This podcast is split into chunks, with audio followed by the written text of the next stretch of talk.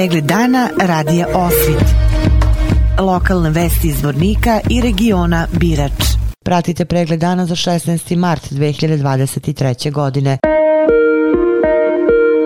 U velikoj sali gradske uprave danas je održana 18. po redu redovna sednica Skupštine grada Zvornika. Na početku sednice lokalnog parlamenta gradonačelnik Zvornika Bojan Ivanović i odbornici Radivoja Ćimović i Dejan Mišić položili su svečanu zakletvu prilikom stupanja na nove dužnosti. Na sednici za zamenika gradonačelnika imenovan Miloš Tomić koji je do sada obavljao funkciju načelnika službe za javne nabavke.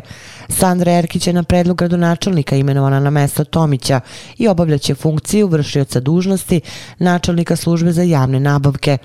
Ujedno biće uvedena i funkcija gradskog menadžera, za tu funkciju će biti predložen Darko Stefanović, dosadašnji načelnik odelenja za privredu i društvene delatnosti, dok je na njegovo mesto ko vršila s dužnosti načelnika za privredne i društvene delatnosti imenovana Ljiljana Toholj. Odbornici su danas razmatrali i usvojili odluku na način kako i predlagač predložio raspodeli sredstava iz gradskog budžeta za finansiranje i sufinansiranje sportskih udruženja i organizacije u 2023. godini. Na prošloj sednici usvojena je odluka o izmeni odluka o imenovanju Saveta plana za praćenje izgleda urbanističkog plana šireg urbanog područja grada Zvornik, Zvornik 2020-2035. Usvojena je odluka o utvrđivanju ekonomske cene za boravak dece u dečijem vrtiću Naša radost. Između ostalog usvojen je godišnji plan rada gradonačelnika i gradske uprave Zvornik. Opširni na sajtu radioosvit.com. Izjave novoimenovanih i detaljni izvešte sa sednice Skupštine grada možete pratiti pratiti u Skupštinskoj hronici sutra od 13 časova na talasima Osvit radija. Na danas održanoj redovnoj konferenciji za medije i policijske uprave Zvornik prezentovani su rezultati za mesec februar tekuće godine. Vladan Vasilić, zamenik načelnika policijske uprave Zvornik, istakao je da je u stanje bezbednosti na području policijske uprave Zvornik za mesec februar zadovoljavajuće. Prema njegovim rečima ostvarene su dobri rezultati, evidentirani određeni broj krivičeg dela, od kojih nije bilo većih krivičeg dela, koja su bi izazvala veću pažnju javnosti. On je istakao da u mesecu februaru nije bilo saobraćenih nezgoda sa poginulim licima. Načelnik sektora policije Dražan Erkić rekao je da kada su u pitanju ilegalne migracije, smanjen broj ilegalnih migranata s obzirom na veliki vodostaj reke Drine. Takođe apelovao na građane da prilikom čišćenja zemljišta od korova i visokog rastinja budu odgovorni i vode računa prilikom upotrebe vatre. S obzirom da je 4. april dan policije Republike Srpske, Erkić je naglasio da će policijska uprava upriličiti građanima niz sportskih i kulturnih događaja, a od 27 do 31. marta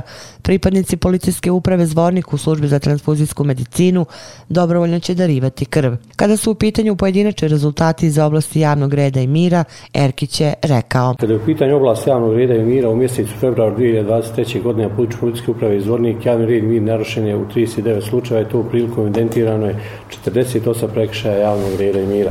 Prekšaj su počinjeni od strane 49 lica, među počinjenicima prekšaja bila su dva maloletna lica, dok su 14 lica bili povratnici u činjenju prekšaja javnog reda i mira. Postupajući po prijavu narušavanja javnog reda i mira, policiji i službenici policijskog proizvodnih nadležnih sudovima su podnijeli sedam zahtjeva za pokretanje prekšajnog postupka protiv 11 lica i izdali su 29 prekšajnih naloga a zbog narušavanja javnog reda i mira slobode je lišeno devet lica. U strukturi prekšaja narušavanja javnog reda i mira najdominantniji su bili svađa, vika, vriska i nepismeno ponašanje gdje smo imali evidentirani takvih deset slučajeva, zatim tuča gdje je bilo evidentirano devet slučajeva i vrijeđanje gdje je bilo evidentirano šest slučajeva.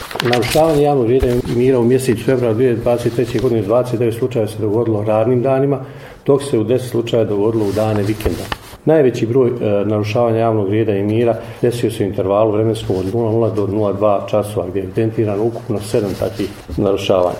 Što se tiče uzroka koji dovode do činjenja prekšaja javnog reda i mira, najučestaliji su bili međukomšijska netrpeljivost kada smo imali devet prekšaja takvih i bahato i drsko ponašanje kada je bilo evidentirano pet prekšaja. Rezultate rada u oblasti kriminaliteta za mesec februar na području policijske uprave Zvornik prezentovao je Miljan Bobar. Tokom mjeseca februara tekuće godine na području policijske uprave Zvornik evidentirano je 71 krivično djelo, zbog čega su policijski službenici nadležnim tužilaštvama podnijeli 60 izvještaja o počinjenom krivičnom djelu protiv 70 lica, od čega je bilo 16 povratnika, dok maloljetnih izvršlaca u ovoj oblasti nismo imali.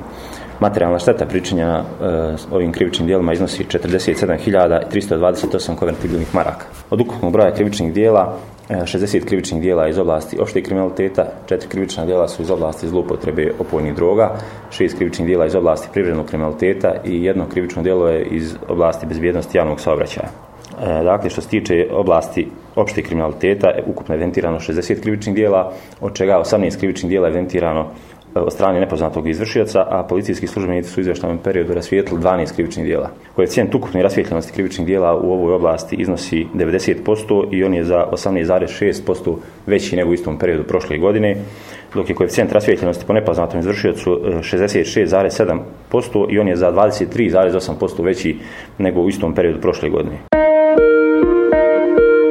Povodom obeležavanja 20. marta Međunarodnog dana frankofonije u Narodnoj biblioteci Zvornik otvorena je izložba frankofone knjige Izbor iz fonda Narodne biblioteke Zvornik.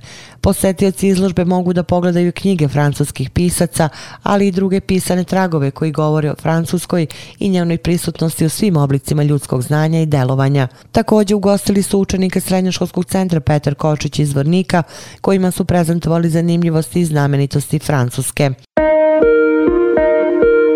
Gradonačelnik zvornika Bojan Ivanović sastao se sa privrednicima i predstavnicima javnih i obrazovnih ustanova, članovima Privrednog saveta grada i zamoli ih da nastave sa dosadašnjom kvalitetnom saradnjom, istakavši da je fokus gradske uprave grada zvornika u ovoj godini uspešan start parking servisa. Već je počela ugranja opreme u gradu i nakon toga imaćemo mesec dana testnog perioda. Trenutno grad zvornik raspolaže sa 1400 parking mesta i u planu nam je izgradnja garaža u B blokovima. Trudit ćemo se da ovu oblast napređujemo iz godine u godinu, rekao je Ivanović.